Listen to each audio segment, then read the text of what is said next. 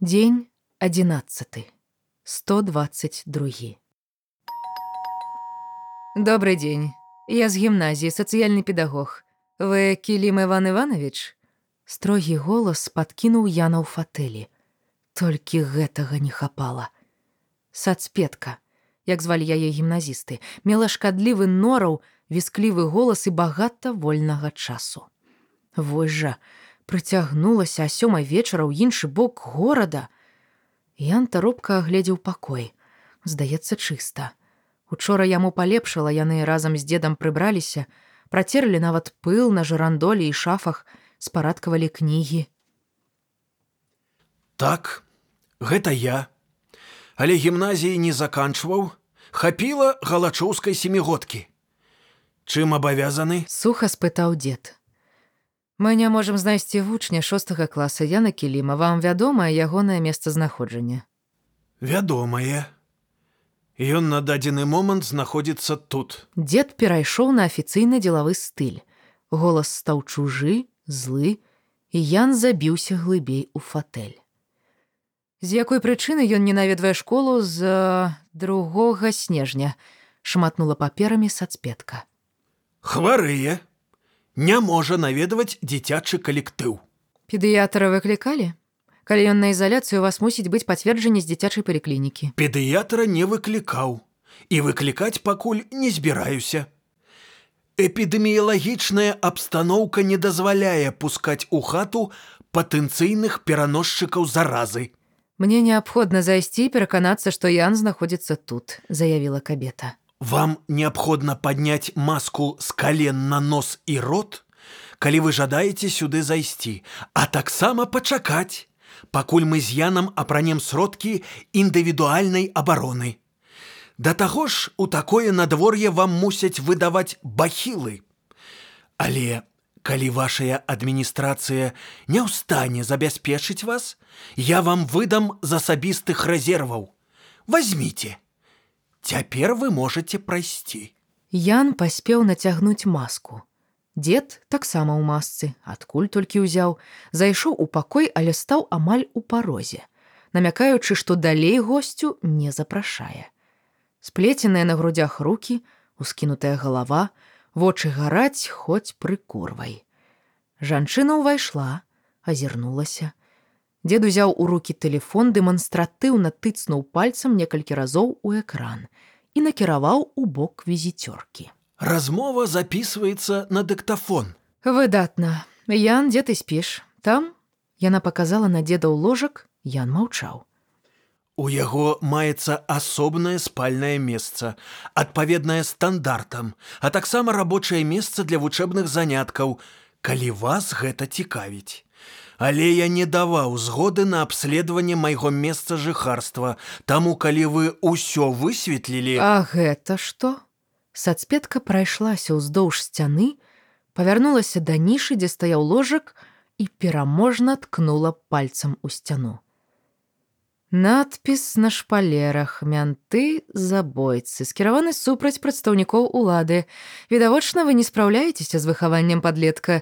Значыць, бацькі пакінулі дзіця ў стане сацыяльнай небяспекі і як намеснік начальніка гус мінгарвы канкама па аператыўным вышуку, я мог бы ўказаць вам на адсутнасць доказаў аўтарства гэтага надпісу, тэрмінаў яго нанясення і ўкладзенай інфармацыйнай нагрузкі але я папросту укажу вам на дзверы, бо лічу мэту вашага візіту вычарпанай.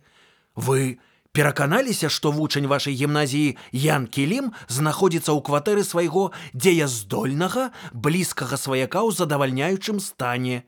Яму створаныя адэкватныя ўмовы пражывання. Рашэнне пра пропуск школы па стане здароўя прымаў я, як адказная асоба на час адсутнасці бацькоў Яна. Увесь гэты час Ян знаходзіўся ў кватэры. І паколькі яму споўнілася 12 год, я маю права пакідаць яго на кароткі час без нагляду. А ў палітычнай акцыі ён удзельнічаў з вашага дазволу ці пры вашай непасрэднай прысутнасці. Пераможна зірнула сацпетка. Канстытуцыя Рэспублікі Беларусь гарантуе грамадзянам свабоду сходаў і свабоду меркаванняў.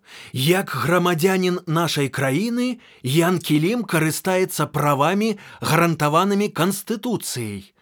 І як ягоны прадстаўнік я выступіў гарантам ягоных правоў і ягонай бяспекі на час мерапрыемства. Яшчэ пытанні? Гэтаму дасць ацэнку камісія па справах непаўналетніх. Вы сцвярджаеце, што камісія вышэйшая за канстытуцыю? Я пастаўлю пытанне пра вашую юрыдычную некампетэнтнасць і антыпедагагічныя паводзіны. А я пра тое, што вы запалохалі падлеткай, прымусілі яго. Вунь, сядзіць, рот раскрыць баіцца, не здавалася фурыя. Мне ў горла баліць, прасіпеў Ян. Але дзед выклікаў лекара з медычнага цэнтра і ўсе прызначаныя лекі купіў. Мне ўжо лепей. На наступным тыдні буду ў школе. Урокі кожны дзень раблю. Ян закашляўся. Кабета адступіла ў калідор, дарогай зачапіўшыся за дыван. Папраўляйся і прыходзь. Злосна прамовіла яна і грукочучы абцасамі выйшла з кватэры, не зняўшы бахілаў. Дзед выключыў дыктафон і вымавіў скрозь зубы. Сумнёўнае задавальненне. І многа ў тваёй школе такіх дзяячак. Праз адну, куды жвавейшым голасам адказаў Ян. Добра сіпеў, малойца, Пахваліў дзед і дадаў: падманваць нельга. Але ворагаў можна і трэба. Ты, палкоўнік міліцыі, вучыш мяне падманваць? А што? Я мушу вучыць цябе быць шчырым з сістэмай. Ваня, былі часы, калі я быў часткай гэтай сістэмы, развіваў і мацаваў яе. Але тады я ўявіць сабе не мог, куды ўсё каціцца, Ды як хутка. Знутры на ўсё глядзіш іначай. Чаму я, Афіцэр з немалымі пагонамі не разумеў таго, што выдатна разумеў дваццацігадовы аўтаен. Можа таму, што твой тата не быў акадэмікам, ляпнуў Ян і пачырванеў. Я не тое, што ў дакор, проста Я разумею, пра што ты. перапыніў дзед. Можа і так. Я гадаваўся ў мястэчку, дзе на тры турмы быў адзіны дом культуры. Галоўным педагагічным поспехам маіх бацькоў было тое, што з траіх сыноў ніводзін не памёр з голаду, ніводзін не сеў у турму, ніводзін не спіўся. Кар'еры мы рабілі самі, так, як усе тады рабілі. Служылі адным словам. А пісьменнікі, акадэмікі ды мастакі сваім дзецям, відаць, іншае ў галовы ўкладвалі. Мы пагарджалі батанікамі, а яны паўсталі. Розум супраць сілы. А розум, калі даць яму час, заўсёды пераможа сілу. Знойдзе спосаб.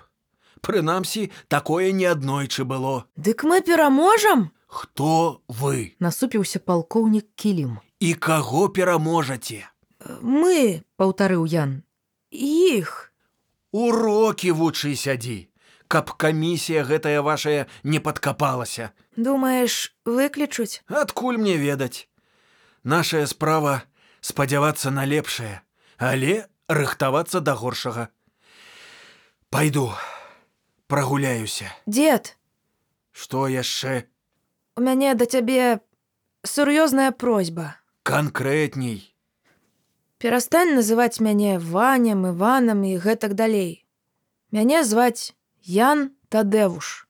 Можна проста Ян. Палкоўнік Кілім выйшаў у вітальню і стаў абувацца.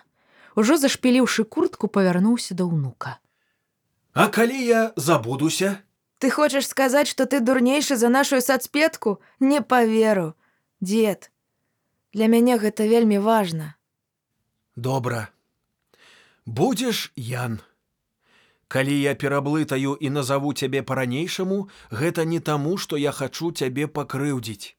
Звычка ёсць звычка. Дзед узяў з паліцыі пальчаткі, пакруціў, нібыта забыўся, Навошта яны патрэбныя, паклаў на месца і выйшаў. Вось бачыш, гэта было не дужа складана. Падаў голас тадэвуш. Ведаеш, тадэвуш, калі дзед забудзецца, я яго папраўляць не буду. Няхай. Яно таго не вартае. Ян падышоў да вакна і глядзеў, як памалу сунецца ў бок крамы дзед. Снежаньская слата, прыхопленая марозам, ператварылася ў падступны каток.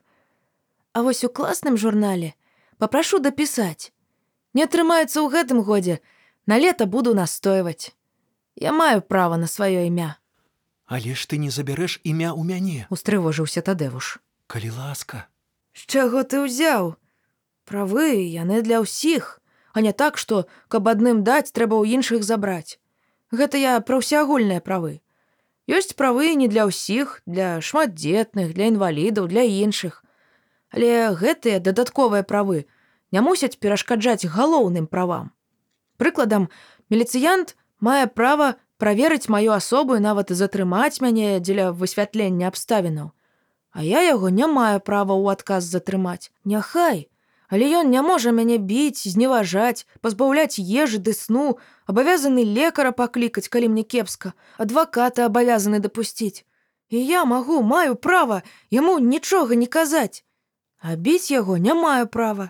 А было б не кепска даць сяму таму, каторыя валеру дубасілі. Не пагадзіўся тадэвуш. Каб я толькі мог, урэзаў бы як след. Нармалёва, калі на іх у суд падаць, каб пазвальняў з міліцыі і прысудзіў сплаціць грошы валеру за прычыненую здароўю шкоду. А самых злосных у турму. Тады і іншыя сто разоў падумаюць махаць дручком ці не. Ты толькі калі тое будзе, каб суд іх судзіў, а не нас. У тым і рэч. пацвердзіў тадэвуш. На суд спадзявайся, але і сам старайся.